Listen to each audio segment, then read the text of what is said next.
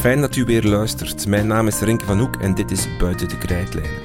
Met een andere intromuziekje en dat komt omdat we een speciale aflevering voor u klaar hebben staan. Buiten de Krijtlijnen trok deze zomer naar een aantal directeurs van interessante scholen om met hem te gaan praten over het directeurschap en de visie van een school. Aftrappen doen we in Leuven, met de directeur van De Stroom. De Stroom is een nieuwe school die er vorig schooljaar startte en nu dus bezig is aan zijn tweede schooljaar. De school wordt geleid door Willem Schoors, 38 jaar en leraar Nederlands, Economie en Informatica van opleiding. De Stroom is een school met een heel eigen visie, waarover u later in deze podcast alles ontdekt. Maar eerst duiken we de ontstaansgeschiedenis van deze school binnen en proberen we uit te vinden wie Willem Schoors nu eigenlijk is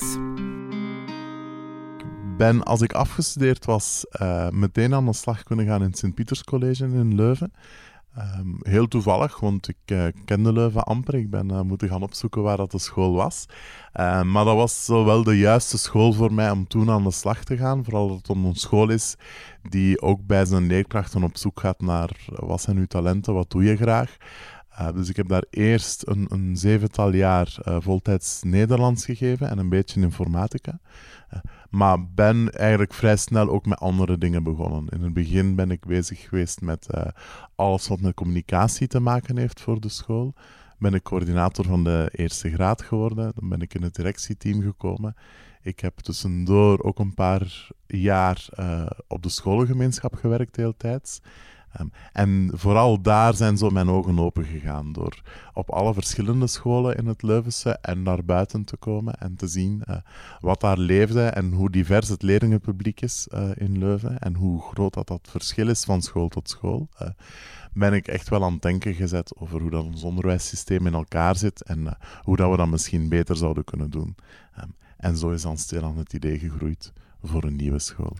Want uh, u bent eigenlijk vrij snel dan eigenlijk doorgegroeid naar een soort van beleidsfunctie ja. middenkader. Was dat altijd al de droom of, of nee, het idee? Uh, toen ik begon, wou ik gewoon uh, leerkracht worden. Um, dat is heel spontaan gegroeid. Dat is door met kleine dingen bezig te zijn. En ja, ik denk voor een stukje zit ik ook wel in elkaar. Ik ben altijd wel op zoek naar een nieuwe uitdaging en wat het volgende is. Hoewel ik nu nog wel even zoet ben, denk ik. Uh, maar het fijne was wel dat ik in een school terecht kwam waar dat die ruimte er ook was. En, en de directie toen uh, heeft dat in mij gezien en die zag dat ik wou. En, en die hebben er ook heel snel voor gezorgd dat ik de kans kreeg om op dat vlak ook te ontwikkelen. En dat was wel heel tof. Okay. De Stroom, hier zijn we. Je bent nu directeur van de Stroom, een ja. nieuwe school in Leuven sinds je hebt je eerste schooljaar achter de rug. Klopt. Um, wat is de ontstaansgeschiedenis van deze school? Wel ja, dus zoals ik net al kort vertelde, hè, ik uh, werkte voor een stukje op de scholengemeenschap. Uh, kwam uh, op de verschillende scholen in het Leuvense, van het katholieke net vooral. Um, en wat daar dan toch wel opvalt, is dat Leuven op zich een heel divers publiek heeft, maar dat die diversiteit niet weerspiegeld wordt van school tot school. De ene school heeft een heel wit publiek, de andere dan vooral leerlingen met een migratieachtergrond bijvoorbeeld. Uh, ook het onderscheid tussen de traditionele colleges, ASO-scholen en de TSO-BSO-scholen is heel groot. Um, en daarbij was er ook nog de, of is er de inschrijvingsproblematiek, of de voorkeursproblematiek, zoals we dat ook wel noemen, uh, van alle leerlingen die naar het eerste jaar gaan en die allemaal naar diezelfde scholen willen. Uh, die komen dan terecht in zo'n online aanmeldingssysteem en daar kwamen van jaar tot jaar meer leerlingen uit zonder school omdat iedereen naar dezelfde school wilde, daar was niet genoeg plaats. Dus er is niet per se een capaciteitstekort? Nee, als je... Maar zeker, allee, het laatste jaar ligt tussen... het nog iets anders, ja, maar op zich staan er stoelen genoeg in Leuven. Ja. Alleen wil iedereen op dezelfde stoel gaan zitten. Ja. Vraag en aanbod uh, zijn niet op elkaar voilà, ja. Um, dus ja, die problematiek uh, werd echt wel ernstig. Uh, twee, drie jaar geleden zaten we aan meer dan 100 leerlingen die na het aanmeldingssysteem geen plaats hadden in een school van hun voorkeur. Uh, ja, zoiets wil je niet. Ehm, de scholen waren daar ongelukkig mee, ouders en leerlingen helemaal. Uh, de lokale politici uh, schreeuwden om het laatst dat er iets moest gebeuren. Um, en iedereen keek zo'n beetje naar elkaar en zei van, goed, ja, wat gaan we nu doen? Hoe gaan we dit oplossen? Um, en ik zag wel een match tussen twee dingen. Ik dacht van, ja, enerzijds hebben we een capaciteitsprobleem. Anderzijds zien we dat ja, die overwaardering van ASO nog steeds is. Ook het feit dat er heel wat ideeën zijn rond vernieuwend onderwijs, maar waar dat iedereen altijd van zegt, ja, maar onze leerkrachten gaan dat niet willen, of in onze school krijgen we dat niet gerealiseerd. Dacht ik, goed, als we nu een nieuwe school oprichten, hebben we een soort van speeltuin, hoewel het serieuzer is dan dat, maar ik bedoel, waar dat je echt met nieuwe technieken of met nieuwe methodes en nieuwe inzichten aan de slag kan gaan. Um, als we daar een brede school van maken, dan werken we dat onderscheid tussen ASO, TSO, BSO weg. En we zorgen voor extra capaciteit. Um, dus drie vliegen in één klap. En uh, daardoor denk ik dat het ook heel snel is kunnen gaan. Um, omdat iedereen wel zag dat er echt iets nodig was. Dus uh, het probleem was er. Ja. En nu had een, een een, zal ik maar zeggen, idee, Mhm, oplossing. ja. En wat dan? Daar stap je Heel mee naar de, naar de eh, politiek? Of, of? Ja, ik heb... eh, en dan ben- jij zelf echt? Of? Ja, ik ben, heb samen met mijn collega zo een eerste basisconcept uitgewerkt. Dat was echt een PowerPoint van, van een paar dia's, waar zo de eerste ideeën in stonden. Eh, daarmee zijn we naar het directiecomité van, van, onze, van ons schoolbestuur gegaan. En naar de schepen van onderwijs. Eh, en naar de hogeschool, naar de lerarenopleiding, omdat ik meteen wel het gevoel had dat we met hen ook aan de slag moesten gaan. Ehm, en iedereen was even enthousiast en dat idee is eigenlijk heel snel beginnen circuleren. Ik de allereerste voorstelling die ik gedaan heb was eh, in oktober, tegen het einde van het schooljaar. ehm, was iedereen overtuigd. En dan hebben we nog één schooljaar gekregen om de hele voorbereiding te doen. En toen is de school al open gegaan. Dus eh, het is allemaal heel snel gegaan toen. En was, was, er niets eh, van... Kan je zomaar gewoon naar, de, naar je directiecomité, Mhm. naar de stad stappen en als die dan zegt, ah wel ja, weet je wat, het is goed. Ja, blijkbaar wel. Ehm, nu, pas op, het is allemaal niet zo eenvoudig gegaan natuurlijk. Hè. Het is niet allemaal roze geur en maneschijn geweest. Ehm, bijvoorbeeld om dan ook te gaan uitmaken welk schoolbestuur gaat deze school nu ook echt of wel onder zijn vleugels nemen, wie gaat de verantwoordelijkheid nemen. We wilden er vooral ook een project van de scholengemeenschap van maken, zodat elke school betrokken was, onafhankelijk van onder welk bestuur ze vallen. Ehm, dat is een moeilijke evenwichtsoefening om eh, zo binnen een grote scholengemeenschap van 16 scholen ervoor te zorgen dat toch elke school zich eh, betrokken voelt bij dat project. Ehm, en dan natuurlijk financiën, ehm, uren eh, vinden, ehm, ervoor zorgen dat je een locatie vindt. Dat is ook een grote uitdaging geweest. Eh, ehm, dat is een moeilijk parcours geweest. Maar wat dat toch wel echt op, opviel, was dat bijna iedereen het gevoel had van deze school is echt nodig. En daardoor heeft iedereen daar ook wel echt zijn schouders mee ondergezet. En het feit dat zowel de Leuvense scholen als de lokale politici dat gedaan hebben, zorgde ervoor dat het inderdaad wel algemeen bekeken vlot ging. Dus eigenlijk een soort van twee jaar durend proces en dan Mhm. Ja. was die school daar. Ja. Waarvan eh, één jaar waarin jij het voorstel doet en Ja, dan politiek die zijn werk ja, doet. Ja, Eh, en dan wordt er een koepel gevonden, de Klopt. katholieke koepel komt er dan bij, er Mhm. wordt een volledige go gegeven en dan krijg jij een jaar om dat ja.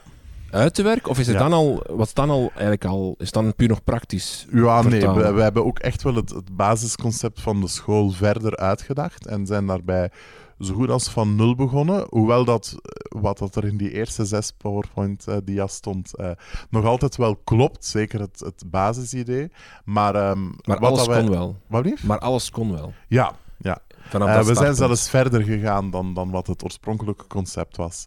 Ehm, nu, hoe hebben we dat gedaan? Dat was, heb ik gelukkig niet alleen moeten doen. Hè. We waren met een coördinatieteam van drie mensen, die uit drie verschillende scholen kwamen. Ehm, en daarnaast was er vanuit elke school met een eerste graad een leerkracht aangeduid voor wat het kernteam noemde. Ehm, en met dat kernteam hebben we eigenlijk het hele idee van de school uitgedacht. En dat was wel heel fijn met een, we hadden een heel diverse groep leerkrachten, jong, oud, eh, eerste graad, derde graad, eh, uit de ASO-scholen, TSO, BSO. ehm, en met al die mensen hun verschillende geschiedenis en verschillende ervaring, eh, hebben wij dat idee op poten gezet. En dat is echt wel een heel toffe ervaring. Was het niet moeilijk op een bepaalde manier om dan jouw idee dat op die paardia stond, om dat dan met iedereen te gaan delen en iedereen zijn feedback daarop te willen en, en dat een beetje van iedereen te laten worden? Ja, niet zo, omdat ik ook niet gesteld heb van in het begin van dit was mijn idee en dit moet het worden. Uh, zoals ik net al even zei, we zijn echt wel terug vanaf nul begonnen. Ik heb ook gezegd van, kijk, ik weet al wat ik in mijn hoofd heb, maar dit hoeft het niet per se te zijn.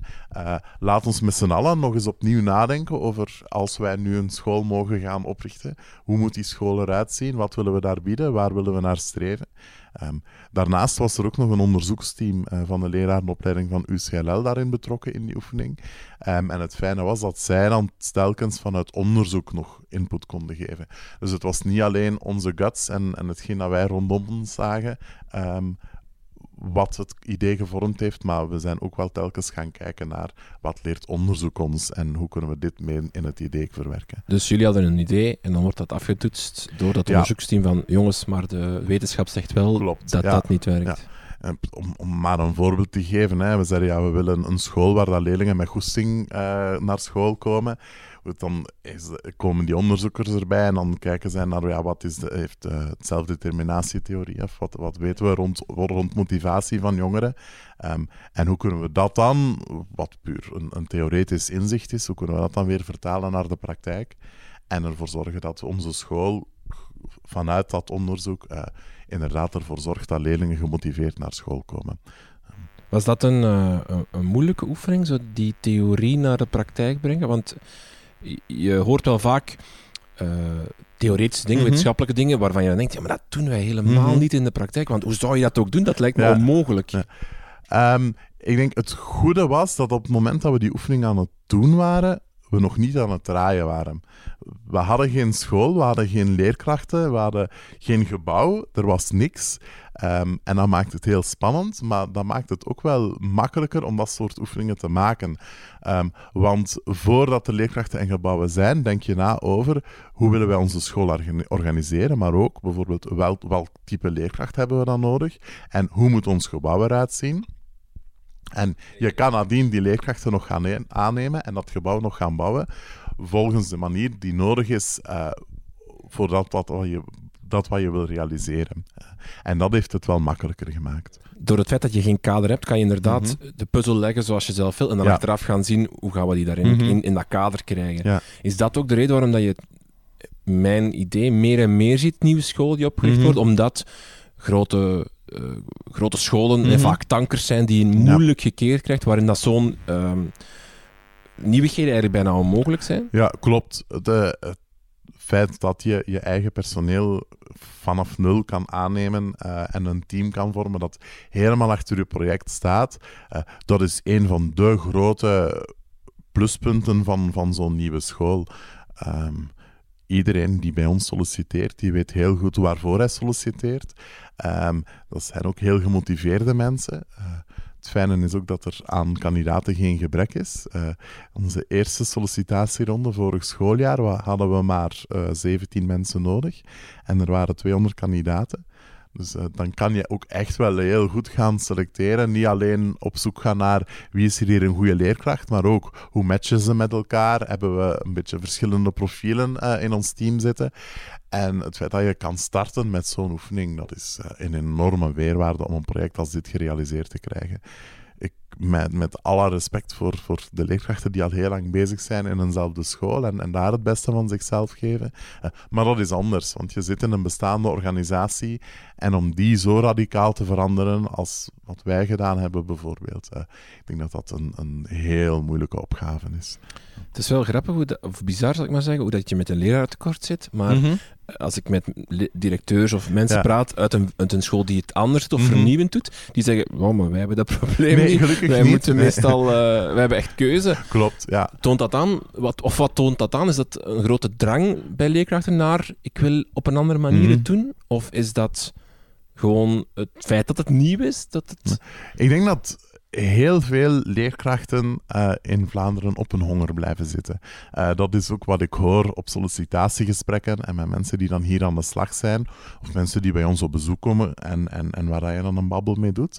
Uh, leerkrachten die heel graag willen vernieuwen, maar het gevoel hebben dat kan niet op de plek waar ik zit. Om, om verschillende redenen. De, de ene zegt ja, omwille van ehm, de structuur en, en al wat wij willen doen of zouden willen doen, dat mag niet. Maar de vraag is dan van wie dat niet mag. Want als je dan bijvoorbeeld gaat kijken naar overheid, wat dat die zegt, dan mag er heel veel. En dan mag je de zotste dingen doen. Dus mensen hebben vaak vooral het gevoel dat het niet mag. Uh, terwijl dat er veel meer ruimte is uh, dan wat ze denken.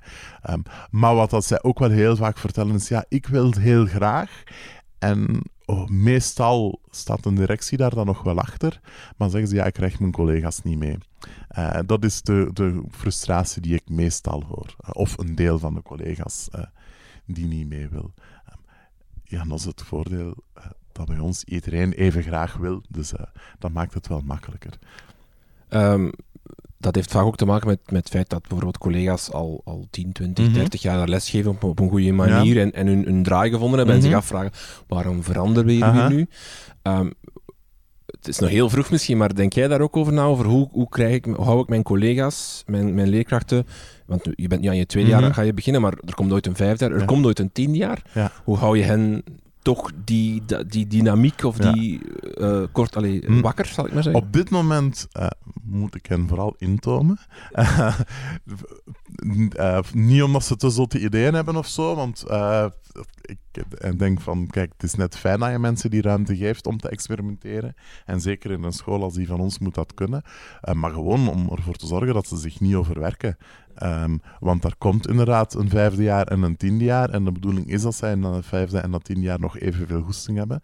Um, en met evenveel energie nog aan de slag kunnen gaan. Dus dat is op dit moment mijn grootste bezorgdheid. Uh, ervoor zorgen uh, dat ze niet te hard werken. Um, en, en te veel proberen en, en blijven zoeken. en dat ze soms moeten leren dat het zo wel goed genoeg is. En ervoor zorgen dat ze wakker blijven en, en, en, en blijven aanzetten tot innovatie. Dat zal ooit inderdaad wel komen, die fase. Uh, maar dat is op dit moment zeker nog niet het geval. Jullie, want uh, je hebt ja, 200 uh, mm -hmm. sollicitanten, maar jullie vragen ook wel veel van leerkrachten. Ja. Hè? Jullie hadden, denk ik, niemand die fulltime het eerste jaar bij jullie werkte Klopt, door gebrek ja. aan, allee, of door het, ja, je zit in een schoolgemeenschap -hmm. en je hebt dan maar zoveel uren en ook maar zoveel leerlingen. -hmm. Maar er werd wel heel wat vergadertijd gevraagd en dergelijke.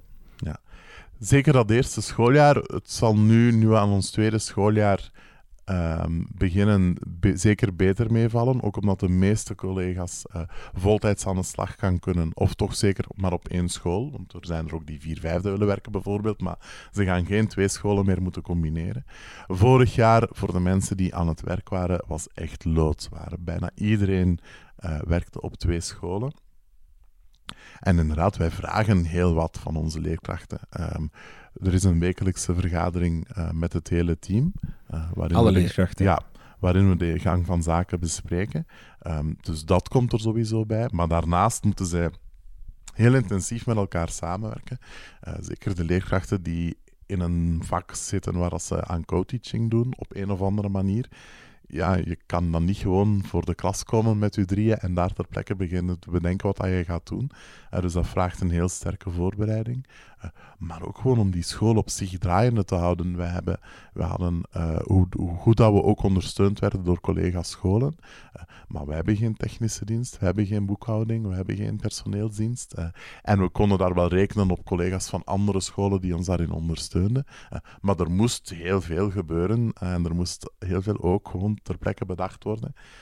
Want het is de eerste keer dat je iets doet. En over alles wat dat er gebeurt, uh, je hebt wel geprobeerd op voorhand om alles te voorzien, maar uh, dat lukt nooit. Dus zo'n eerste jaar, dat is echt wel heel intensief. En die mensen, die hebben heel hard gewerkt. En die waren ook heel moe op 30 juni. Zo'n wekelijkse vergadering, hè? want jullie hadden mm -hmm. 16 leerkrachten ja, klopt. vorig jaar. Ja. Is dat iets wat je deed omdat alles nieuw was en omdat je je, ja, je hebt elke mm -hmm. week bij ons spreken veranderingen en je moet ja. iedereen up-to-date houden. Is dat iets, of is dat iets wat je bijvoorbeeld, dat, dat je zegt van, dat was zo waardevol, eigenlijk zou ik dat permanent, ja, dat blijf ik vijf blijven, jaar doen. Ja, we gaan dat blijven doen. Um, de bedoeling was vooraf om enerzijds inderdaad alles is nieuw, alles moet uitgewerkt worden. En om daarvoor tijd vrij te maken. Ehm, daarnaast willen we ook, of wilden we tijd maken om uh, te bespreken hoe het met onze leerlingen ging, hoe het met, met elkaar ging als collega's. En daar hebben we eigenlijk te weinig tijd voor gehad. Uh, we hadden al onze tijd nodig om al die nieuwigheden en al die praktische afspraken te maken. Um, en om bijvoorbeeld onze evaluatie onder de loep te nemen, projectweken voor te bereiden, dat soort dingen. Um, maar we willen dat zeker blijven doen en hopen om meer tijd te creëren voor uh, te luisteren naar elkaar en te horen van oké, wat heb je deze week meegemaakt in de klas? Uh, was er met een leerling iets aan de hand wat je eigenlijk in een groep wil, wil bespreken? En ook gewoon van hoe gaat het met jou? En, en zit je zelf nog met vragen of twijfels? Uh, want die openheid die is er zeker, maar de tijd was er niet altijd om, om dat in die vergadering te bekijken.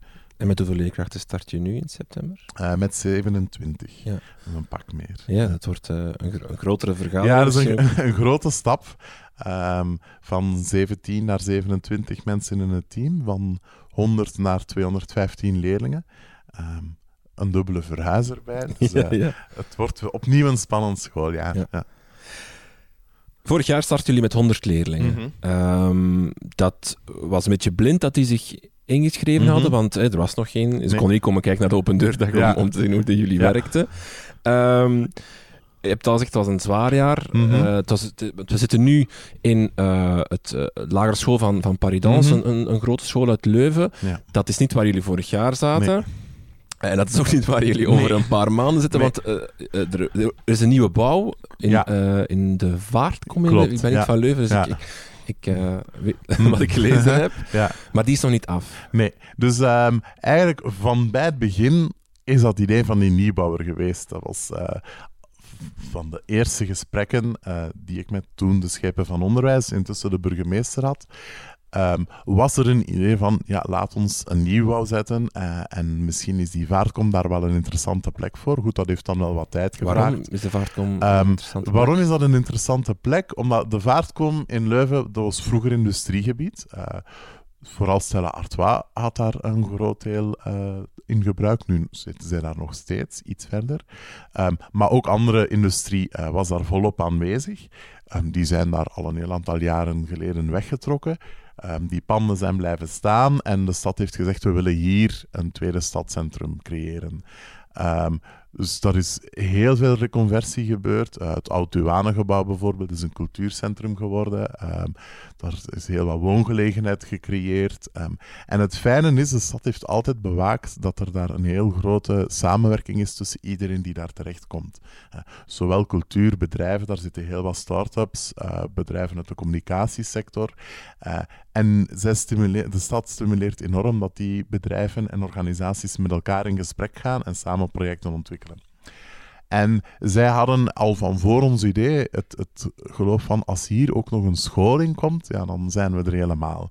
Um, ja, en als, je, als ze dan ons concept hoorden, dan dacht ze, ja, zo'n concept in die buurt, uh, daar waar innovatie leeft. Hè. Leuven is sowieso een stad die gaat voor innovatie, um, al helemaal daar aan, aan, de vaart. Daar dit soort school zetten, dan zijn we er helemaal. Um, dus dat idee was er heel snel. De uitvoering heeft wat langer op zich laten wachten. Eén, um, om het gebouw ontworpen te krijgen, was toch wel een flinke uitdaging.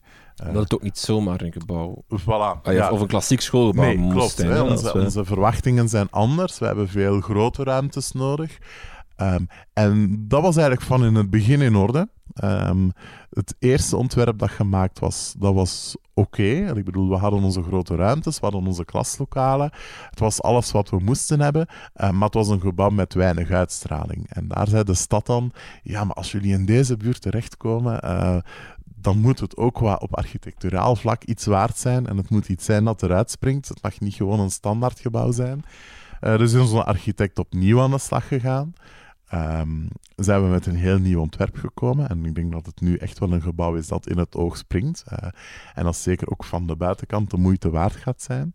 Um, en dan was er ook nog de moeilijkheid van een drassige ondergrond, uh, extra funderingen die nodig waren. Um, dan helemaal aan het eind van het proces, ergens in juni, um, we werken met een, een industriële bouwsysteem, met een stalen skelet waar panelen opgehangen worden.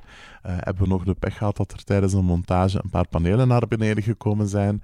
Dat heeft dan weer voor wat vertraging gezorgd. En zo hebben we eigenlijk aan het begin van de zomervakantie moeten vaststellen of moeten beslissen samen met de aannemer van goed, jullie zijn nu keihard aan het werken om ervoor te zorgen dat alles op 1 september klaar is. Um, dat was ook nog altijd haalbaar, of op zijn minste klaslokalen zouden afgeraken op 1 september. Maar we merkten dat er heel hard gewerkt werd op de werf en we begonnen ongerust te worden over de veiligheid van de mensen die daar aan het werk waren. Uh, er waren nog geen mistoestanden, maar we zaten wel met het gevoel van de druk ligt hier te hoog. En we waren ook ongerust of ja, ze zijn nu zo snel aan het werken dat de afwerking niet gaat zijn wat dat we nodig hebben of wat dat we zouden willen. Eh, dus laat ons dan maar wat extra tijd geven. Um, wat dan tot gevolg heeft dat we nu in een tweede tijdelijke locatie zitten, want daar waar we zaten was niet genoeg plaats voor het leerlingenaantal dat we nu hebben.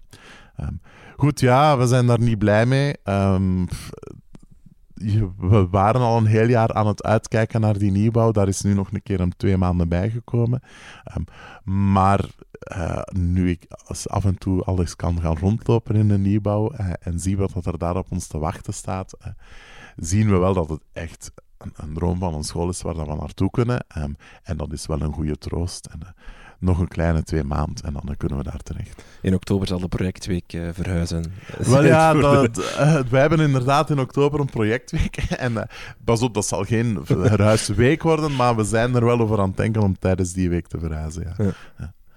Um, misschien nog even terug naar het uh, proces. Mm -hmm. Was het eigenlijk direct duidelijk dat, dat u directeur zou worden nee, van deze school? dat heeft heel lang geduurd. Um, Bij u om te weten dat u Nee, dat voor mij zo, niet zo. Uh, maar vooral... Allee, nee, ik heb daar zelf ook wel even over getwijfeld, want het is nog een verschil tussen een concept uitwerken en, en daar dan ook directeur gaan spelen. Um, maar ook gewoon qua procedures. Uh, ik heb twee keer gesolliciteerd. De eerste keer om de coördinatie van de opstart van het project te doen. En dan de tweede keer om directeur te worden.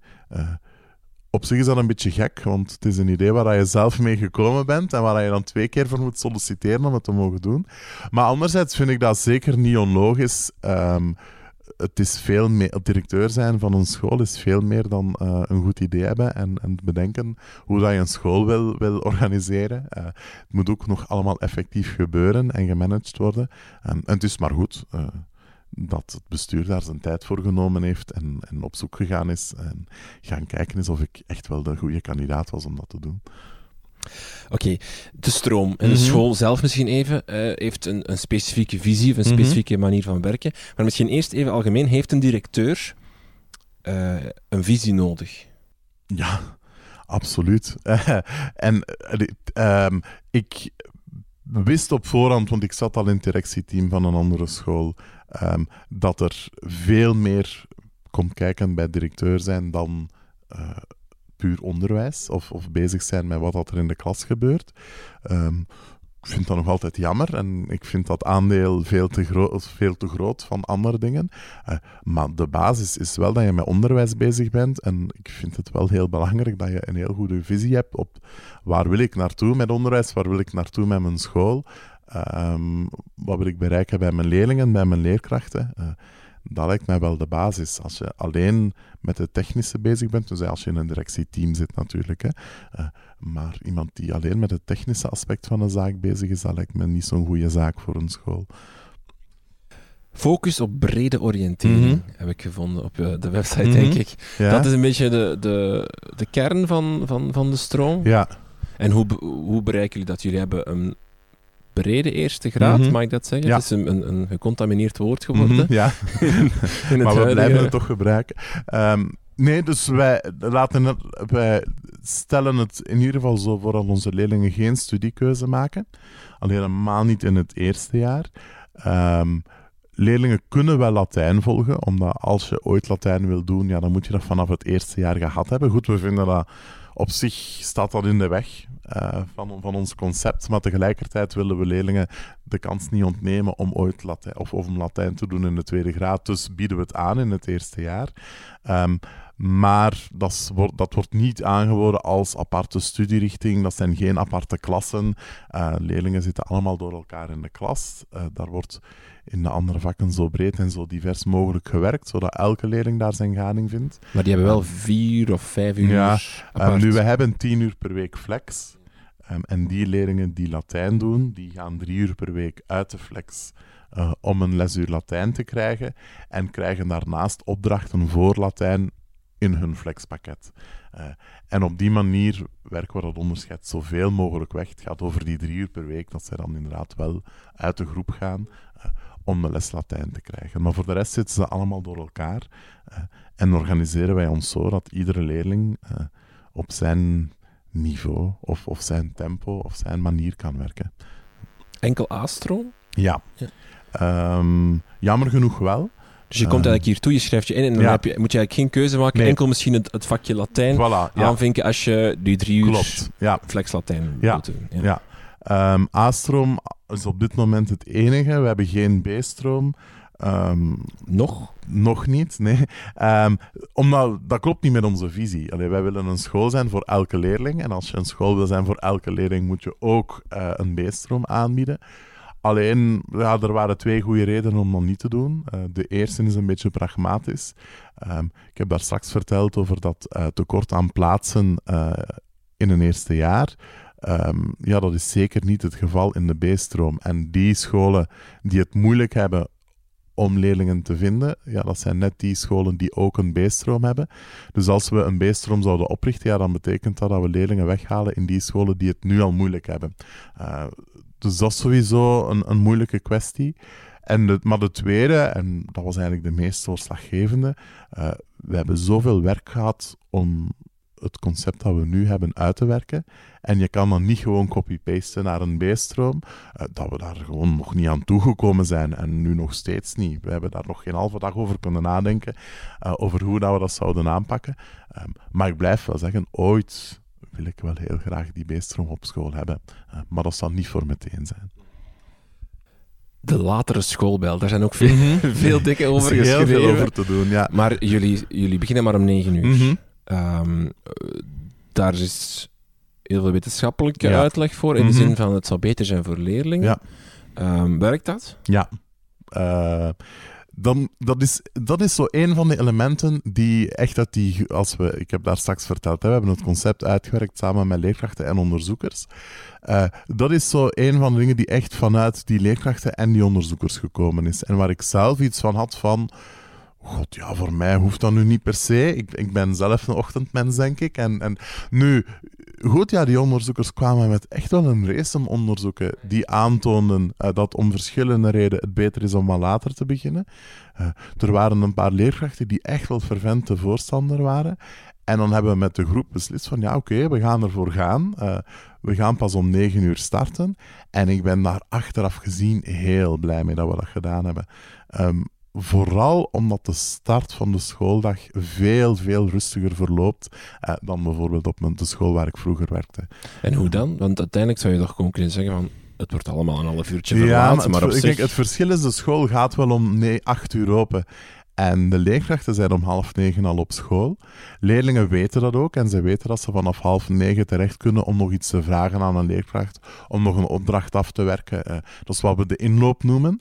Ze kunnen ook binnen dan. Ja, al, en al ja, in ze ruimtes- kunnen al naar de lokale gaan, Ah, ze kunnen al iets doen, ze kunnen aan een leerkracht een babbel maken. Sommigen komen ook al aan een opdracht werken of zo.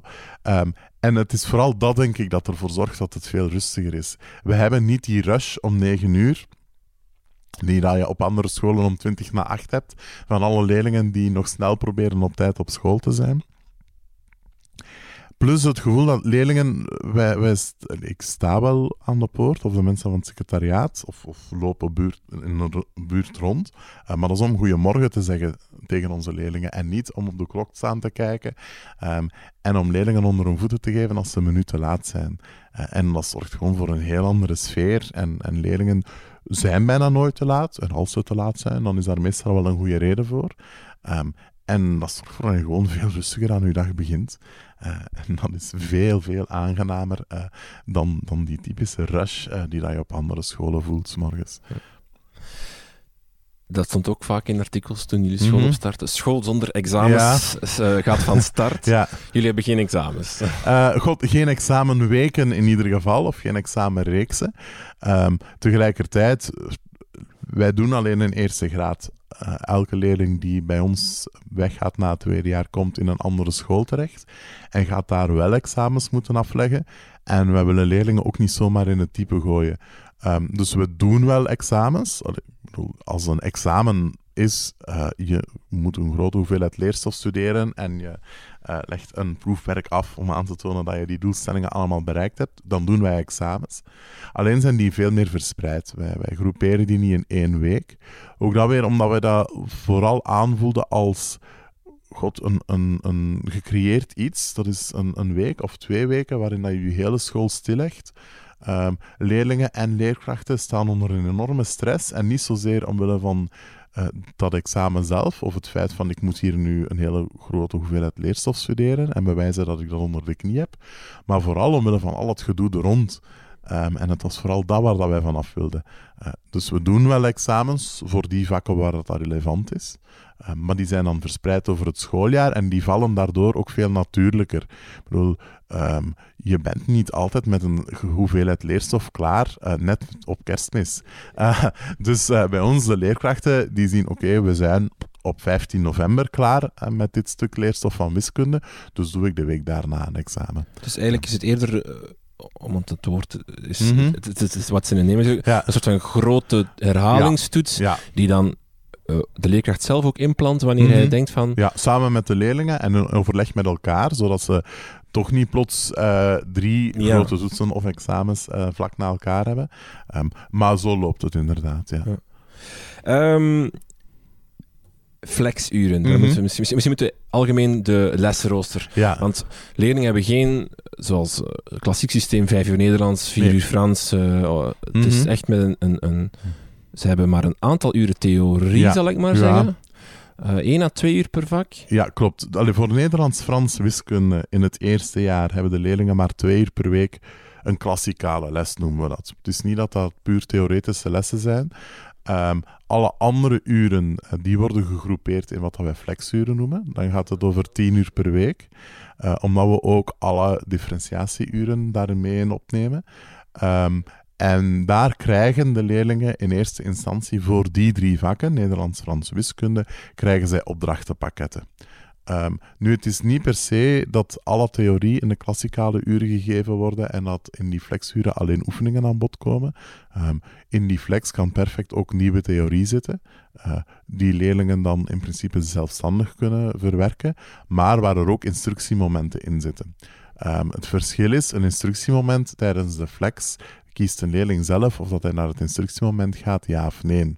Um, en zo'n instructiemoment duurt meestal ook maar 10 minuten, kwartier, 20 minuten. Um, behalve voor die leerlingen die nadien nog wat extra ondersteuning nodig hebben. Um, maar je kiest dat dus zelf als leerling en als jij zegt alle leerstof die in die flex zit voor die vakken, die verwerk ik liever zelfstandig, dan kan dat. Uh, als wij vaststellen, of onze leerkrachten vaststellen, dat een leerling uh, dat niet kan, dat hij dat wel wil, maar dat het soms wat moeilijk is, uh, dan gaan we wel zeggen aan een tijdje van misschien dat je toch best naar de instructiemomenten komt voor dit vak of dat vak of dat stuk van de leerstof. Uh, dan wordt dat met die leerling besproken. maar in principe is dat zijn eigen keuze. Dus dat is voor Nederlands-Frans wiskunde heb je sowieso al die flexopdrachten. Dus in totaal is, zijn die drie vakken 16 uur, heb ik juist geteld? Twee Klopt, uur theorie ja, ja. en dan 10 uur. Dat is, dat is het maximum wat een leerling daaraan kan besteden. Want hij heeft ook wel wat andere mogelijkheden binnen die flex.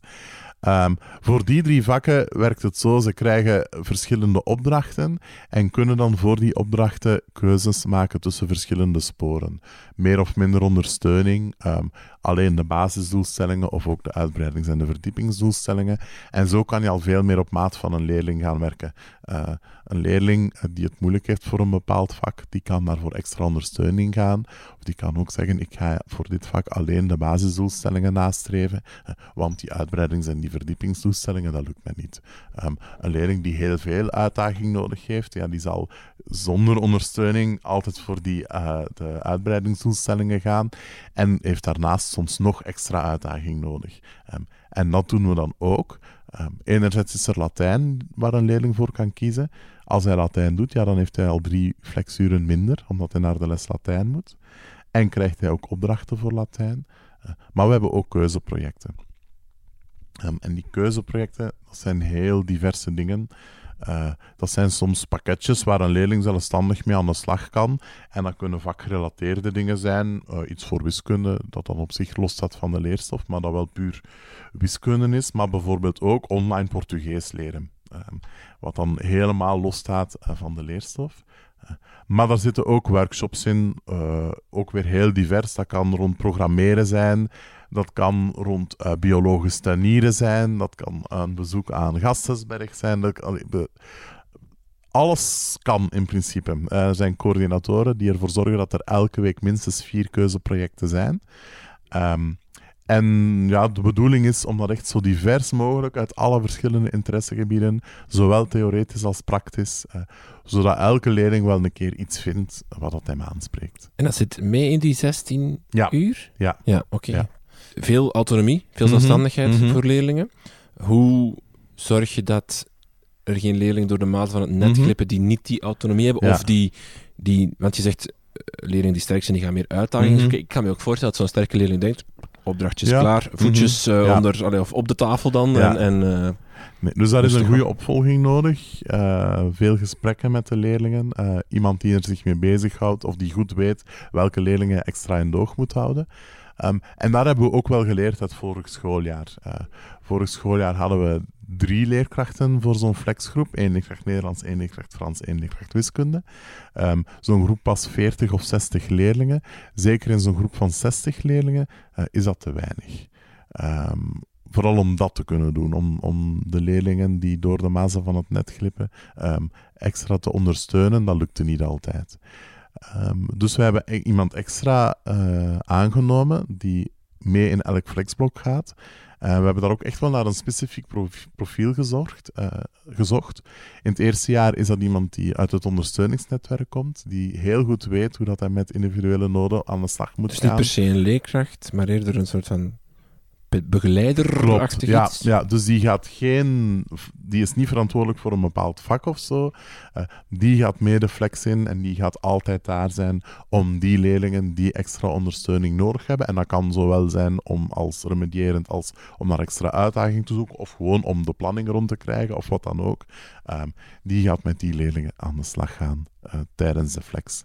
En wordt toegevoegd aan het team uh, zodat hij ook nog eens haar expertise kan delen met de collega's en zij van elkaar ook kunnen leren. Hm. Dus, en een uh, vraagje uh, over uren dan misschien mm -hmm. eventjes, want hoe, hoe, hoe betaal je dat? Want je zegt drie leerkrachten ja. voor groepen van 40 of 60. Mm -hmm. Van 60 kan ik me inbeelden, ja. dat is een klas per leerkracht en dan komt, komt het gewoon mooi uit. Maar 40, dan zit je al... Dat is te weinig. Dat lukt ook maar voor één of twee schooljaren. Um, de bedoeling als je, is ook... Dus als je daar nog iemand bij zet extra, dan... Dus de bedoeling is ook om dan met groepen van 60 of zelfs 70 leerlingen te doen. Uh, die 40, dat had te maken met dat we nu nog niet aan onze maximale capaciteit zitten zitten die we wel verwachten in de toekomst. Um, en dus gaan we eventjes in het rood wat dat uren betreft, uh, omdat we weten dat dat in de toekomst wel werkt. Ik bedoel, van zodra je aan genoeg leerlingen zit, is dat wel organiseerbaar. Je merkt ook wel, doordat wij alleen een eerste graad hebben, uh, de overheid is eigenlijk wel lief voor eerste graden. Uh, je krijgt uren genoeg om dit soort dingen te organiseren. Het probleem is meestal in grotere scholen dat een, een derde graad moeilijker te organiseren is dan een eerste graad, omdat je daar met heel veel verschillende richtingen zit, uh, keuzes die leerlingen kunnen maken. Um, en dat er vaak daar meer uren geïnvesteerd worden dan in de eerste graad. Terwijl dat je eigenlijk vanuit de overheid meer dan uren genoeg krijgt om in de eerste graad dit soort dingen te doen. Dus vier leerkrachten voor 60 à 70 leerlingen ja. in de flex. Ja. En als je dan inderdaad een, een ideaal gebouw hebt, dan, mm -hmm. dan kan je dat... Dan zijn we er helemaal, ja. Um, je kiest voor om flex te doen uh, 10 uur en mm -hmm. dan toch nog twee uur klassikaal ja. te geven. Je hebt ook scholen die zeggen alles flex. Mm -hmm. En de klassikale komt er dan wel in door wat ook jullie doen. Ja. Waarom toch nog die twee uur apart te zetten? Waarom niet all the way um, ja, gaan? Um, omdat we het gevoel hebben, één, wat dat we, een, een schrik die dat we vooraf hadden, was dat leerlingen het klasgevoel zouden verliezen. ehm, als ze niet meer genoeg in een vaste groep komen. En, en Dus ze hebben wel nog een vaste van- klasgroep van 20, 25? Ja, hoewel dat we daar nu het, in ons tweede jaar al voor een stukje van afgestapt zijn. Ehm, omdat we gemerkt hebben vorig jaar, nu dat we het in de praktijk gezet hebben, dat dat heel goed meevalt. Die schrik die dat we vooraf hadden van leerlingen gaan dat thuisgevoel kwijt zijn, merkten we dat ze eigenlijk hun grote groep meer als groep zagen dan dat ze hun klas als groep zagen. Die groep van 60, ja. Dus volgend, allee, vanaf nu, vanaf dit schooljaar, eh, werken we, of zit een leerling in, in twee verschillende klassen. Afhankelijk van het vak eh, maken we grotere of kleinere klassen. Ehm, dus ze gaan die vaste klas veel minder hebben dan dat ze dat vorig jaar hadden. Ehm, Want dat is wel vaak een argument hè, Mhm. om zo'n dingen niet te doen. Hè. Het klasgevoel Ja. moeten we toch behouden. Ja. Zo, hè, want een leerling moet zich toch... In, Mhm. maar, maar praktijk blijkt nu voor, bij jullie dan Ja. toch van... God, dat valt eigenlijk wel mee. Voilà, ja, omdat zij nog wel altijd die groep, eigenlijk de, het hele eerste jaar en het hele tweede jaar, wordt telkens in twee grote groepen gesplitst. En je merkt dat zij die groep meer als, als klas of als, als, als groep waarin ze thuis horen ervaren dan, dan hun klas. Ik denk ook wel, wij, wij investeren of wij, wij zetten als school ook wel heel bewust in op verbondenheid, op een bepaalde sfeer creëren. Ehm, en dat helpt ook wel om dat thuisgevoel te creëren.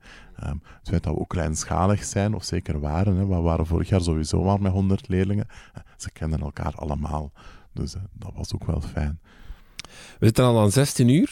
We hebben er nog 16 Ja. te, te vullen. Eh, muziek, PO en expressie wordt Ja. samen eh, artistieke vormen, Klopt, als ik correct ja.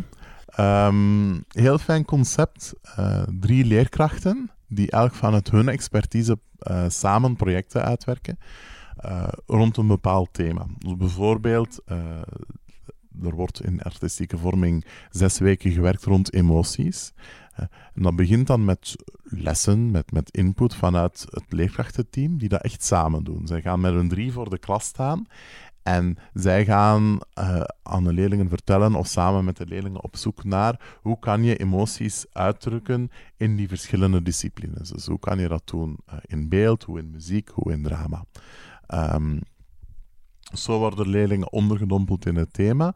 Daarna gaan de leerlingen zelf creatief aan de slag en zij kiezen per thema in welke discipline ze dat willen doen. Eh, dus ze zeggen nu, deze weken wil ik eh, qua rond beeld werken. Ehm, dan gaan zij daar aan de slag met die leerkracht.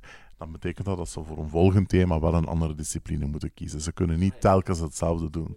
Want anders komen ze nooit aan de doelstellingen voor die verschillende vakken. Eh, maar die vakken die vloeien dus helemaal in elkaar door. Maar het fijne is wel dat er wel telkens die leerkracht is met die expertise vanuit zijn gebied. eh, maar die dat helemaal samen ontwikkelen, die dat ook samen naar de leerlingen toe brengen. eh, en elkaar daarin heel mooi aanvullen. Ik ben zo zelf een paar lessen gaan bijwonen. En dat is echt heel mooi om te zien hoe dat zij elk vanuit hun achtergrond eh, samen een verhaal brengen naar die leerlingen toe. Dat is vier uur per week. Drie uur Drie per uur. week. Ja. We zitten wel aan 19 Mhm. uur. We hebben nog eh 13 uur te gaan. ja. Wat hebben we nog? Ehm, de rest is klassieker. Eén clustervak zit daar nog tussen. Dat heette vorig jaar wetenschap en techniek. Nu, wij passen ons aan aan wat de koepel zegt. Dus we maken daar ruimte, techniek en eh, natuur van. Eh, of natuur, ruimte en techniek. Ehm, vorig jaar was dat zo georganiseerd. Dat waren ook drie leerkrachten die telkens naast elkaar ingeroosterd stonden. Dus de leerkracht aardrijkskunde gaf zijn vak aan klas A op hetzelfde moment als de leerkracht natuurwetenschappen zijn vak aan klas B gaf en de leerkracht techniek haar vak aan eh, klas C. Ze zaten ook naast elkaar op de gang. En op die manier konden ze, als ze samen iets wilden doen, dat heel makkelijk doen. Daar moest niks speciaal voor georganiseerd worden. Ze moesten gewoon de deur openzetten en ze konden samen aan de slag. Eh, maar het was ook niet meer dan dat. Ze hadden nog niet samen een programma uitgewerkt of samen projecten op poten gezet. Alleen kleinschalige dingen. En zo een keer iets van twee weken, wat ze dan over de vakken heen deden. Ehm, zij gaan dat nu veel intensiever doen. En er gaan veel meer vakoverschrijdende projecten komen. Ehm, maar dat groeipad was wel nodig. Het, Dus dat is drie uur eigenlijk dat, eh, dat, dat telkens die drie samen staan. ja, dan zes, klas A. zes in, het tweede jaar, in het eerste jaar Ja. en eh, drie in het tweede jaar. Vier in het tweede jaar, sorry. Je merkt ook wel, we zijn daar een beetje teleurgesteld in het nieuwe leerplan. Uh, waar wij dachten, ja, hier gaat een clusterleerplan komen, waarin dat die verschillende vakken gaan samenkomen. Terwijl ja, als je dan nu eigenlijk ziet wat dat het leerplan uiteindelijk is, is dat het, leerkracht, uh, het leerplan natuur dat gekopieerd is in het leerplan aardrijkskunde en waar dat dan het leerplan techniek bijgeplakt is. Maar dat zijn gewoon die drie leerplannen die samengevoegd zijn. Daar is verder niet veel gebeurd uh, inhoudelijk wat dat de samenwerking tussen die vakken betreft. Uh, maar onze leerkrachten laten zich daar niet door tegenhouden uh, en gaan toch op zoek om, om dat echt wel samen te doen. Want de koepel, in het begin hebben ze daar sterk mee mm uitgepakt, ja. die clustering, en dan achteraf toch een beetje teruggekrabbeld van, je mocht, kies maar ja, toch. Hè? Voilà, zo was dat wel meer gebeurd. hè. en dan merk je, ja, dat is dan hetgene waar dat wij soms in teleurgesteld zijn. Um, en we moeten daar niet alleen voor naar de koepel kijken, of ik denk misschien zelfs niet naar de koepel, want ik denk dat dat vooral andere scholen zijn en, en leerkrachten die dan heel hard beginnen roepen van dit willen wij niet. Um, maar ook het hele verhaal van de onderwijshervorming, basisopties tweede jaar, is voor ons een, een, nog veel grotere teleurstelling dan wat er uiteindelijk van de clustervakken gekomen is. Um, Waarom? Omdat volgens ons, als je een brede eerste graad wil organiseren, dan mag je leerlingen geen keuze laten maken in een tweede jaar. En hoe dat de basisopties nu opgevat zijn, kan je niet anders dan leerlingen een keuze laten maken. Ze moeten die optie, voilà. één van die... Of, uh, ja, ze moeten één optie kiezen. Ja, ja. Uh, waar wij nog even de hoop hadden van misschien kunnen we het zo organiseren dat ze twee opties kunnen kiezen. Uh, ook dat is niet mogelijk. ja, ze hebben wel nog die twee uur naast de basisoptie, waarin je een soort van mini-basisoptie kan organiseren. Maar goed, zeker in een kleine school als die van ons is dat ook organisatorisch niet zo makkelijk. En eigenlijk, ons ideale tweede jaar zal een verlengde zijn van het eerste jaar, waarin dat een leerling nog van alles kan proeven en echt zijn studiekeuze kan uitstellen tot na de eerste graad. En dat is nu jammer genoeg niet echt mogelijk, we zoeken dan wel om dat op een creatieve manier in te vullen, eh, om dat toch zo breed mogelijk te houden. Maar we hadden het wel graag anders gezien. Nu op zich is die, die optie niet bindend. Hè? Als je nee, kan uh, wetenschap, uh, techniek, mm -hmm. ik, weet niet of ik de, de naam juist ja, heb, kiezen en dan toch um, humane wetenschappen ja, doen in dat is waar. Maar je hebt wel vijf uur per week, een heel schooljaar, moeten bezig zijn met die basisoptie. En dat vinden wij te veel. Maar goed. Uh, hoe, hoe ga je daarmee om? Heb um, wij hebben op dit, voor dit schooljaar gaan we het zo organiseren dat we de meest berede basisoptie gekozen hebben uh, voor de, alle leerlingen behalve het Latijn. Ah, okay. um, dat is moderne talen wetenschappen. En daar voegen we dan het pakket moderne talen toe aan de flexuren. Um, dus leerlingen gaan daar bezig zijn met taal. En dat kan je heel algemeen. En vooral onze grootste bezorgdheid is dat we dat op verschillende uh, abstractieniveaus willen kunnen doen. Zodat elke leerling daar zijn gading in vindt. En niet alleen de toekomstige ASO-leerlingen. Ja, ja, ja. Um, en daarnaast zit er dan nog een pakket van wetenschappen drie uur per week. Uh, wat dat de leerkrachten ook zo aan het uitwerken zijn dat het zowel theoretisch als praktisch benaderd wordt. Om ook daar weer elke leerling zijn plek in te geven. Heb je dan meer flexuren in het tweede jaar? Nee. Want je hebt dan nog ehm, twee uur zitten, de basisopties, de opties Ja, maar de, de uren uh, voor, voor Nederlands, Frans, wiskunde zijn sowieso een paar minder in het tweede jaar. Ja, yes, ja. En voor wiskunde gaan we ook één uur meer klassikaal geven. Uh, de bezorgdheid bij de leerkrachten was van, ja, die leerlingen moeten echt wel heel goed voorbereid in een tweede graad terecht kunnen. Um, en hun schrik was dat dan niet goed genoeg ging lukken. Uh, met zoveel flexuren. Dus daardoor eentje minder voor wiskunde. Oké. Geschiedenis, en, en, mhm. dat vak hebben we nog niet gehad, denk ik? Nee, nu dat wordt... Er zijn ook nog een paar vakken die er gewoon heel klassiek in staan. dus geschiedenis, LO, godsdienst... Um, die worden, ik bedoel, door heel gemotiveerde leerkrachten. En die ook wel zeggen, doordat je in een school werkt uh, waar daar ruimte is voor experiment en, en waardoor dat dingen op een andere manier gebeuren, ga je ook voor een vak waar dat op zich je heel klassiek zou kunnen geven en wat dat gewoon in het uurrooster één uur per week staat geprogrammeerd, uh, ga je ook daar zoeken naar innoverende manieren of, of, of, lesmethodes of wat dan ook. Uh, en dat is wel fijn om dat te zien gebeuren en om die leerkrachten te horen vertellen van ja, je wordt meegenomen in een flow. Terwijl dat die drang er niet is, of dat wordt u niet opgelegd, maar je gaat gewoon spontaan mee uh, naar nieuwe dingen zoeken. Dus dat is wel heel fijn. En is het, uh, was het bewust ook de keuze van we gaan een aantal vakken gewoon klassica, Ja. op, de, old-fashioned way doen? Ja, Of was dat Ehm, een beetje uit... om het, allee, ja, voor- vooral om het organisatorisch haalbaar te houden. En ook, allee, we vinden het wel nog altijd belangrijk, daarom dat we ook die twee uur Nederlands, Frans en, en wiskunde nog geven per week. Ja, wij zijn alleen maar een eerste graadschool. En leerlingen die bij ons buiten komen, die moeten naar een meestal klassiekere school. En ja, die shock mag niet te groot zijn. Dat is nu al een heel grote bezorgdheid bij leerlingen en ouders. Van wat gaat dat geven als we naar een andere school moeten gaan?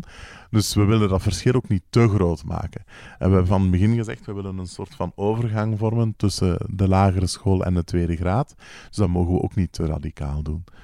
Jullie hebben ook geen punten. Dat is ook Mhm. zoiets dat eh, in, in de Ja, krantenkoppen ja, ja. staat. Examenloze en Mhm. puntenloze school. Ja, Ehm, daar is ook eh, al veel kritiek op Mhm. geweest eh, ehm, in de media. Je hoort daar Mhm. steeds meer en meer. De smileys, dat wordt er altijd bij ja, ja. gehaald. Eh, ik weet niet of jullie smileys hebben, maar... Nee, maar zoiets, ja. Ja, maar daar, daar wordt veel kritiek op gegeven. Toch hebben jullie eigenlijk niet zo allee, redelijk recent gekozen. We gaan dat toch niet doen. Ja, en heel bewust.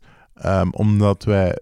Goh, en eigenlijk gaat de discussie mi- misschien niet eens ze- zozeer over de punten. Het gaat vooral over hoe laat je aan een leerling weten hoe ver dat hij staat in zijn leerproces. Ehm, en wij vinden punten zonder meer sowieso veel te arm qua informatie. Ehm, het traditionele rapport waar dat staat, voor wiskunde heb je 72%, daar weet je niks mee. Ehm, en, en voor de meeste ouders is 72 zo nog net goed. En die zijn dan blij en dan krijgen ze een cadeautje tijdens de vakantie. Eh, maar op basis waarvan en, en hoe weten die, leerling en zijn ouders nu eh, wat dat ze bereikt hebben de afgelopen periode, dat is heel moeilijk om in te schatten. Dus we wilden vooral op zoek gaan naar hoe kan je een leerling heel goed laten weten hoe ver dat die staat in zijn leerproces. En zijn dan eh, erbij uitgekomen dat we dat willen doen op basis van de doelstellingen. Ehm, dus elke leerling krijgt voor elk vak een lijst met alle doelstellingen die dat bereikt moeten worden tijdens een periode. Ehm, en we wilden vooral aantonen of een manier zoeken om te tonen hoe ver hij stond voor die verschillende doelstellingen. En dan zou je dat ook met cijfers kunnen doen, maar goed, dat is dan soms moeilijk, want wat is dan de gradatie tussen een 1 en een 10 bijvoorbeeld? Dus daarom werken wij met vier symbolen.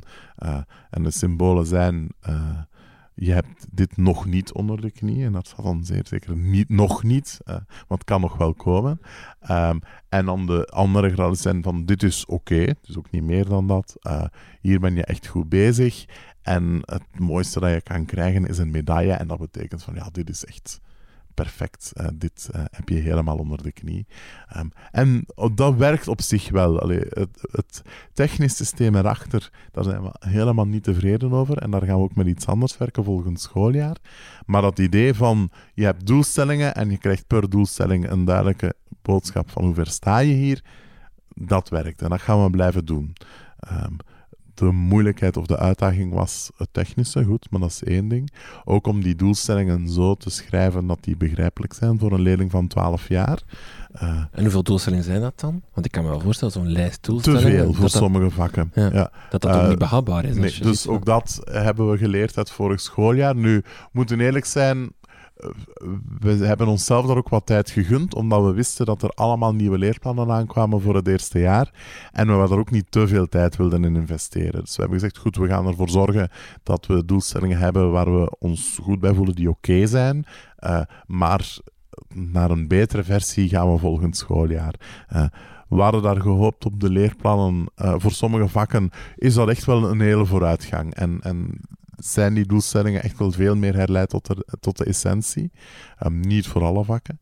Ehm, waar dat we nu mee bezig zijn, is om die doelstellingen, en gelukkig hebben we daar de hulp eh, van de collega's van de scholengemeenschap, eh, om die doelstellingen te vertalen naar doelstellingen op leerlingenmaat. Hoe... Want dat is mede in die kritiek, hè, dus Mhm. de zesjescultuur en dat ding. mhm. Namelijk, je, je drijft leerlingen niet meer tot excellentie, Mhm. omdat je hebt ook maar vier niveaus en, Ja. en, en je hebt die doelen dan, dat, dat zijn vaak, leerplannen zijn geen minimumdoelen, maar Mhm. dat zijn vaak de basic doelen, zal ik Mhm, maar zeggen. mhm. Er is in jullie systeem veel ruimte voor uitdaging. Ja. Komen die uitdagingen ook op het rapport en krijgen ze daar ook een, een, een symbool bij? Ja, nee, op dit moment geen symbool. Wat dat eigenlijk veel belangrijker is dan die symbooltjes en, en, en die lijsten met doelstellingen, dat is de woordcommentaar die gegeven wordt. Uh, die wordt geschreven door de klascoach. Die krijgt daarvoor input vanuit de verschillende vakken. Maar die maakt daar wel één verhaal van. En daar moet eigenlijk... De, bedoeling is dat je daar echt het totaalbeeld van de leerling krijgt.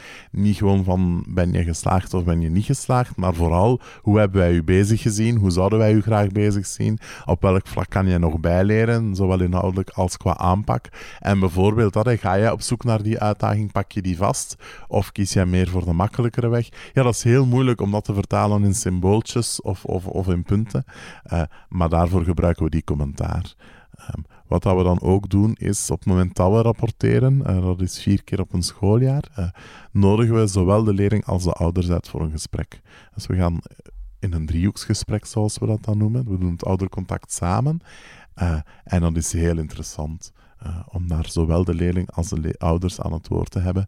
Um, daar zijn we heel blij mee. En ook ouders en leerlingen zelf. Vooral ouders. Leerlingen niet altijd even enthousiast. uh, maar die zijn, die zijn ook heel enthousiast over dat systeem. Ja.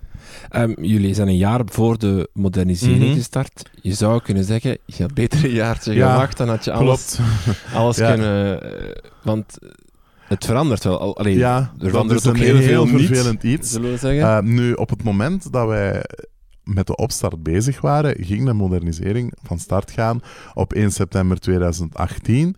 Uh, er was een capaciteitsprobleem, dus het was heel logisch om te zeggen: wij starten op 1 september 2018. Um, het is pas heel laat geweest uh, dat de overheid laten weten heeft van goed, we stellen het een jaar uit. En op die moment stonden wij zo ver in ons proces dat we niet meer terug konden. Uh, maar we hebben daar heel hard op gevloekt. En uh, dat heeft ons echt wel tegengehouden dit jaar, of afgelopen schooljaar, in een aantal dingen. Voordat de nieuwe leerplannen er waren, dat was zo laat dat we daar niks meer mee konden doen. Um, en nu ook voor het tweede jaar. Hè, wij gaan nu eigenlijk het tweede jaar aanpakken alsof de modernisering al gestart is. Want die leerplannen zijn er wel, die lessentabellen zijn er. Uh, alleen de boeken zijn allemaal nog niet klaar, maar goed. Uh, maar dus onze lessentabel, de aanpak van de vakken, uh, doen we alsof we al in de modernisering zitten.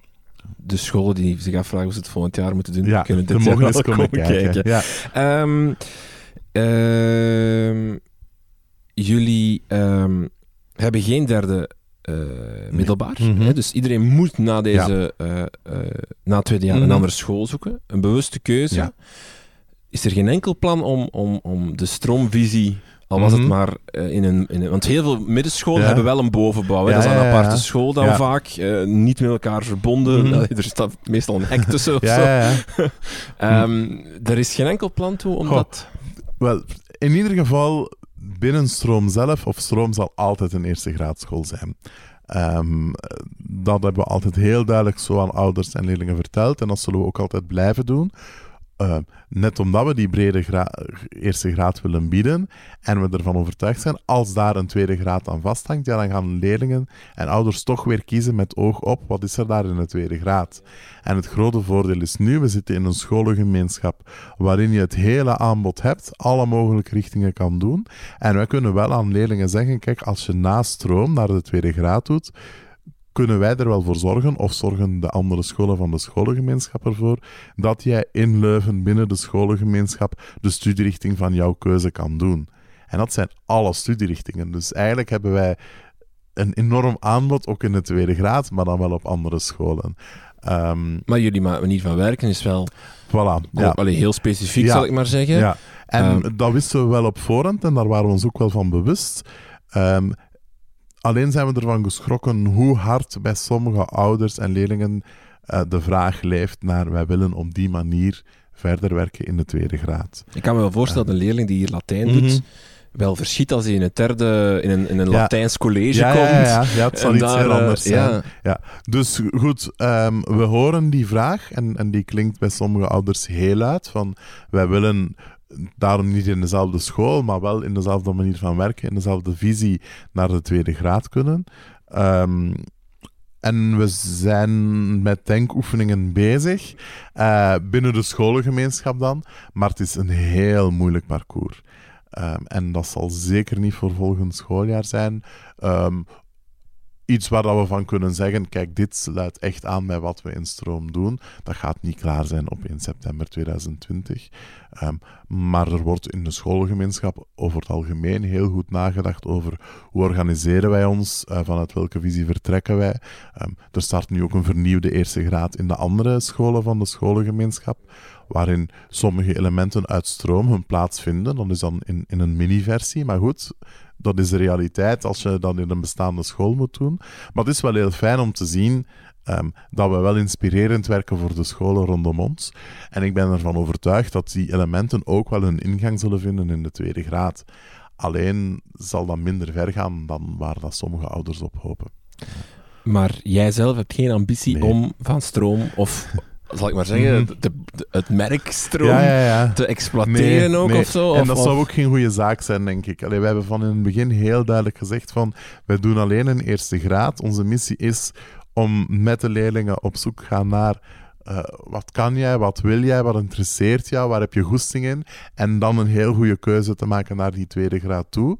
Als wij dan zelf op een of andere manier, rechtstreeks of onrechtstreeks, zeggen: Dit is onze tweede graad, dan zal dat altijd een beperkt aanbod zijn. En dat is nu net wat we niet willen. We willen dat een leerling die bij ons uit het tweede jaar komt, dat kan zijn dat hij humane wetenschappen gaat doen, dat kan zijn dat hij elektromechanica gaat doen, dat kan zijn dat hij Grieks wiskunde gaat doen. Um, en al die richtingen gaan we nooit kunnen aanbieden uh, op eenzelfde manier. Dus dan doen we dat liever niet. Gelooft u op zich in een zesjarenschool? Als, als idee? Als het een zesjarige school is die heel breed is van 1 tot en met 6, dan wel. Maar kan dat? Voilà. Dus volgens mij, ik denk pragmatisch gezien, of hoe dat je dat praktisch moet organiseren, is die knip tussen die eerste en die tweede graad absoluut nodig. Um, ervoor zorgen dat je die eerste graad heel breed doet, dat je echt nog de tijd neemt om een leerling zichzelf te leren kennen, zichzelf te leren inschatten en dan pas een keuze moet maken naar de tweede graad. Zolang dat die, die link tussen die eerste graad en de tweede en de derde graad te sterk is, ja, dan gaat een leerling naar een eerste graad in een school waar dat hij ook in het zesde jaar wil afstuderen.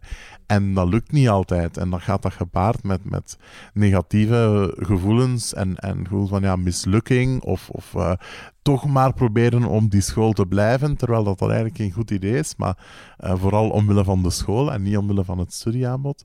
Dat zijn allemaal dingen die... Ik ben al heel lang overtuigd van het feit uh, dat we die eerste graad best zoveel mogelijk loskoppelen van wat er daarna komt. En als je het nu omgekeerd doet, je maakt de school mhm. heel specifiek. Een, bijvoorbeeld je hebt heel veel heel technische scholen, maar je, zou ook, je hebt ook heel ISO-scholen dan. Ja. Eh, is dat dan iets dat... Als je Misschien voor sommige leerlingen wel. Die leerlingen die al heel goed weten als ze naar een eerste jaar gaan wat ze willen. Maar ik voel en, en, en ik lees en ik zie rondom mij dat de meeste leerlingen daar echt nog geen idee van hebben. En dan is er ook nog een verschil tussen wat wil je en wat kan je. Um, en daar krijg je pas een beeld van in de loop van die eerste graad. Even over het directeurschap mhm. dan. Um, hoeveel uren is, een, is, een, is jouw gemiddelde werkdag? Laten we zeggen vanaf uh, een schooljaar, in het schooljaar Ik tel dat zo weinig mogelijk. Uh, nu, ik heb een tikklok. ik uh, kom met de Bluebag naar het werk en je krijgt dan zo op het einde van de maand telkens een afschrift waar staat je hebt je fiets opgehaald om 7 uur s morgens en je hebt hem teruggebracht om 9 uur s avonds. en dat is soms wel schrikken als, als ik dat document bekijk. Um, maar goed, eigenlijk lig ik daar niet zo van wakker, uh, omdat ik echt mijn, ik, ik ben mijn, mijn droom aan het uitbouwen. Um, ik, ik, denk dat is een groot verschil met directeur zijn in een andere school. Um, ik ben Dit is jouw kind. Ja, ik ben met dat powerpointje met zes dia's gekomen en ze hebben tegen mij gezegd, ja oké, doe maar. En het feit dat je zo'n kans krijgt, uh, dat is zo fijn. En, en dan nog met een team kan werken dat heel enthousiast is, dat heel gemotiveerd is leerlingen rondom u, rondom u ziet die, die graag naar school komen en, en die ook gewoon uw bureau binnenwandelen en, en dat ook vertellen dat ze graag naar uw school komen, ja, dan maken die uren echt niet uit. Maar is het een, heb je het gevoel dat het een aanslag is op je privéleven? Ja. Uh, dat is zo. Um, en wat dat je voor jezelf moet bewaken, is dat het dan niet te erg wordt. Uh, en daar ben ik gelukkig wel goed in.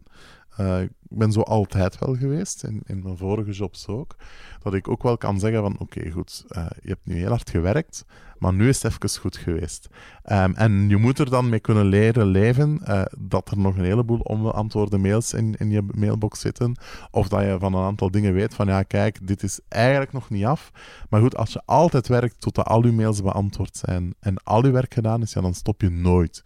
En uh, dan ga je op een moment komen waar dat iemand in je plaats zegt van nu is het gedaan.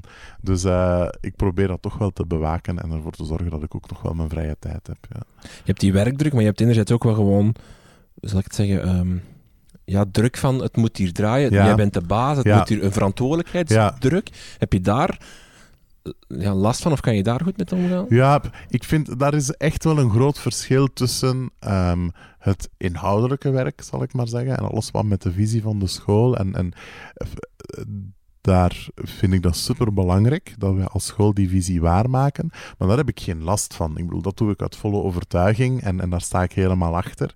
Uh, wat ik voor mezelf soms moeilijker vind, is alles wat te maken heeft met boekhouding, met het gebouw, uh, met, met technische dingen, wat dat, dat is niet zo mijn ding. En, en je doet dat omdat dat moet. Uh, en dan ben je soms wel jaloers op grotere scholen, waar dat er een directeur is die zich daar allemaal mee bezighoudt en iemand anders die zich louter met, met het pedagogische kan bezighouden. Maar goed, uh, we zijn nu eenmaal die kleine school. En ook daar, ik krijg gelukkig echt wel goede ondersteuning vanuit andere collega's van andere scholen. Um, maar dat ervaar ik meer als druk en als last. Uh, zeker zo'n zo'n gebouw neerplanten, uh, daar kruipt makkelijk één dag per week tijd in. Terwijl dat, echt mijn ding niet is. Als het gaat over de kleurtjes en, en uh, hoe dat de inrichting moet zijn, dan nog wel.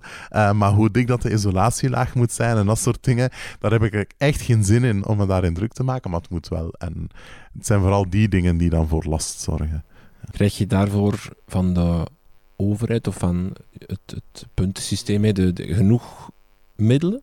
Vind je? Als je Nee. Zeker als je het misschien algemeen bekijkt naar Ja. gewoon, wat krijgt een directeur? Nee, ja, of, allee, we hebben het geluk dat we genoeg leerlingen hebben om een voltijdse directeur te hebben. Dat is al iets. Uh, maar qua ondersteunend personeel zijn we echt wel mager bedeeld. Uh, we hebben één iemand die voltijds werkt en één iemand die halftijds werkt. En dat is eigenlijk dankzij de soli- solidariteit van andere scholen, van de scholengemeenschap. Want dat is al te veel. Uh, als je kijkt naar de punten die je daarvoor krijgt. En dat is echt veel te weinig.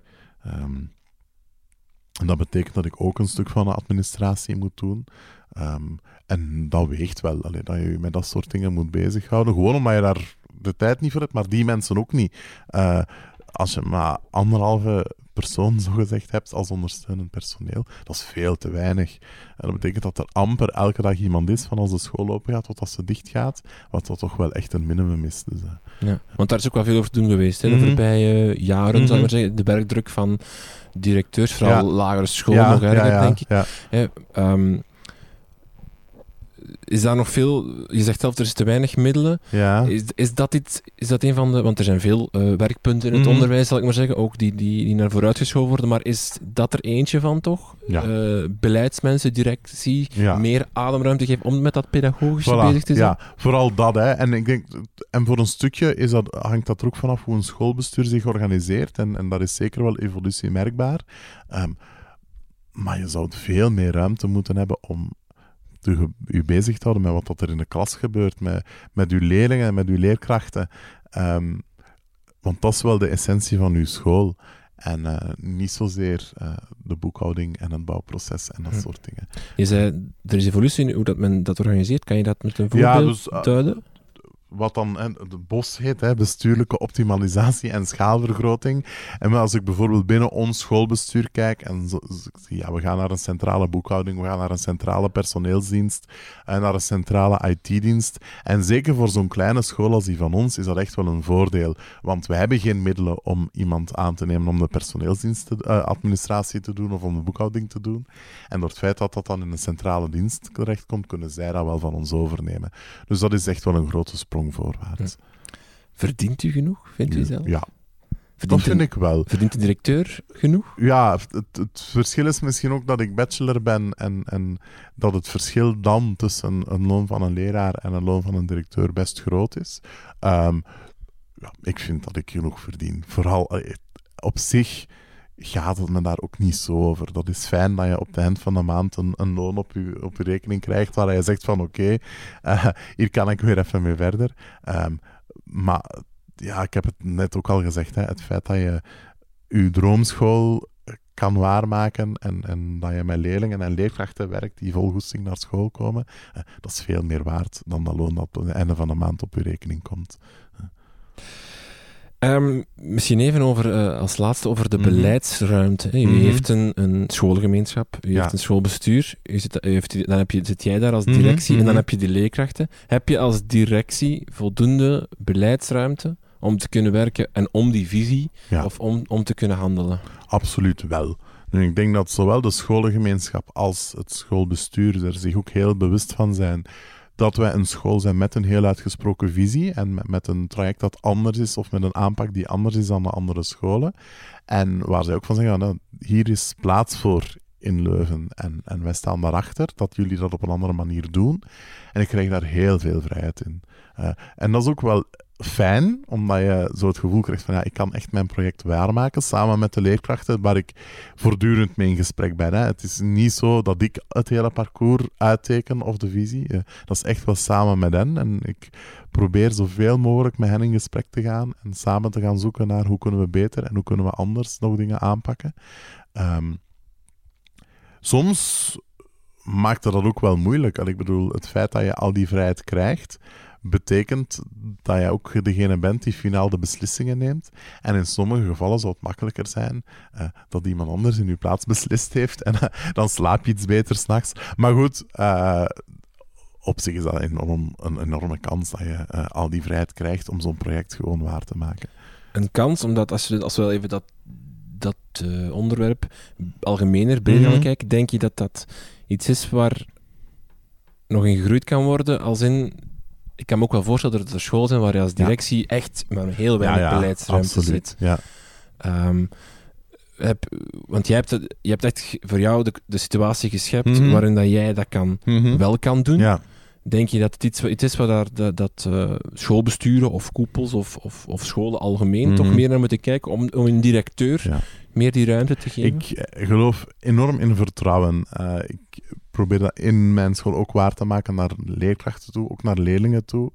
Ehm, die leerkrachten die wij hebben aangenomen, dat zijn professionals. Die weten heel goed waar dat ze mee bezig zijn. Eh, die weten waarom dat ze dat doen. Die weten waar dat ze naartoe willen. Ehm, dus ik vertrouw daarop dat zij dat goed doen. En ik geef hen ook heel veel vrijheid in de manier waarop dat zij de dingen aanpakken. Ehm, en ik vind het heel fijn om dat gevoel ook te krijgen vanuit mijn schoolbestuur. En ik geloof erin dat dat ook de goede manier is om onderwijs te maken. Ehm, je voelt nu de laatste jaren begint er meer en meer te groeien en, en je ziet allerlei nieuwe initiatieven opstaan en dat overtuigt mij alleen maar van het feit dat er heel veel professionals rondlopen eh, die soms wat gefrustreerd geraken doordat zij die vrijheid niet hebben of, of een droom niet kunnen waarmaken en ik ben ervan overtuigd dat er heel mooie dingen kunnen ontstaan door die vrijheid te geven en door in mensen te geloven eh, en te zeggen van doe maar, want jij kan dat. en dat betekent niet dat je af en toe een keer niet van, op de van over de schouder moet meekijken en zorgen eh, dat de dingen wel lopen zoals ze moeten lopen. Maar dat vertrouwen in mensen, dat is een belangrijke basiswaarde voor mij. Zit er te veel macht bij schoolgemeenschappen, koepels? Ja, en goh, in sommige denk ik. ehm, ik snap dat concept mag niet zo goed. Allee, ik, soms denk ik, waar zijn we mee bezig? We zijn school aan, we zijn onderwijs aan het maken. We doen dat voor leerlingen. Wij doen, je krijgt vanuit de overheid elke maand uw loon gestort. En dat hangt niet af van ehm, hoe goed of hoe slecht je leerlingen het doen, of van hoeveel leerlingen je hebt, of, of dat je projecten binnenhaalt, ja of nee. Allee, dat is het fijne aan onderwijs tegenover de privésector, denk ik. Je hebt eh, geen goals die dat je moet halen. Ehm, maar laat ons allemaal gaan voor het beste voor de leerling. En niet zozeer over hoeveel heb ik te zeggen, of krijg ik mijn zin, of, of, of dat soort dingen. Ehm, ja, dat verbaast mij soms wel. Als ik in vergaderingen zit, eh, waar ik denk van dit heeft niks meer te maken met de leerlingen die op onze scholen zitten. Eh, dat zijn ja, politieke spelletjes, noem ik dat dan, los van de politieke partijen, maar dat is tegen elkaar en, en proberen hun zin door te drijven. En dat stelt mij soms wel teleur, ja. Want het is bijna onmogelijk om, om een school te hebben zonder een, een school, schoolgemeenschap bijvoorbeeld. Hè. ja. Puur, de dingen die je juist al Ja. aanhaalde, van, dat krijg je Ja, anders niet Nee. bolgewerkt. En dat is een enorm geluk dat wij gehad hebben. Dat we een, een krachtig schoolbestuur en een heel krachtige schoolgemeenschap hebben, waarin dat we een plaats gevonden hebben, maar die wel gezegd hebben, jullie krijgen de vrijheid om jullie project te realiseren zoals je dat wil. Dat is een enorm voorrecht. En zonder hen, en ook zonder de koepel, eh, Katholiek Onderwijs Vlaanderen, was het nooit gelukt om die school van de grond te krijgen. Maar ik kan het ook wel andersom voorstellen, Mhm. dat omdat je met jouw project, dat misschien ook wel heel waardevol is, geen Mhm. plaats vindt in de eh, locatie gewijs, in, Aha. die, in, de, in dat, die gemeenschap, Mhm. eh, in dat schoolbestuur, dat daardoor je project eh, sterft, Dat is omdat, zo, omdat het ja. niet kan. Ja, als jij niet kan aankoppelen bij een, een bestaande school, of schoolbestuur in ieder geval, dan, dan lukt gewoon niet. Eh, als ik zie hoe moeilijk het voor ons al geweest is om, om alles van de grond te krijgen, met alle ondersteuning die dat er was, eh, dan, ik snap dat soms, eh, ik snap dat, dat je soms in je naïviteit denkt van, ah, ik ga een school oprichten en eh, vol goede bedoelingen. En ik vind dat heel mooi eh, als, als je mensen met die plannen ziet komen. Eh, maar diegenen die dan met mij komen babbelen, daar zeg ik dan toch van, zorg dat je een bestuur achter u hebt die zowel qua de wegen kennen en, en weten waar je aan toe bent, die expertise hebben, maar ook gewoon financieel u een ondersteuning kunnen bieden, want anders lukt dat niet. Oké. Eh, het schooljaar, eh, we nemen dit op in augustus, het schooljaar Aha. staat voor de deur. Wat voor schooljaar mag ik jou uh, toewensen? Eh, ik hoopte in het begin op een rustiger schooljaar. Zeker toen, toen we er nog van uitgingen dat we in onze nieuwbouw gingen starten. Um, of het zou sowieso heel spannend worden. Hè? Met een lerarenkorps dat verdubbelt, mijn leerlingenaantal dat dubbel, dubbel zoveel is. Um, ik hoop vooral om, laat ons dan nu maar zeggen vanaf de herfstvakantie voor mezelf, uh, de tijd te hebben om veel meer met de essentie van de zaak bezig te zijn.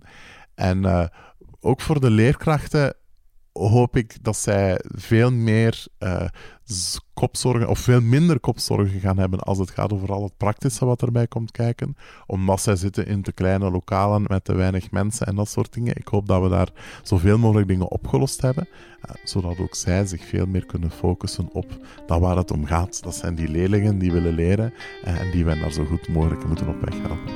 Oké, okay. Willem Schoors, heel veel dank. Ja, graag gedaan. Zo, dit was Buiten de Krijtlijnen alweer. Meer info over de stroom, de school van Willem Schoors, vindt u via www.stroomleuven.be. Willem Schoors kan u volgen op Twitter via willem10n.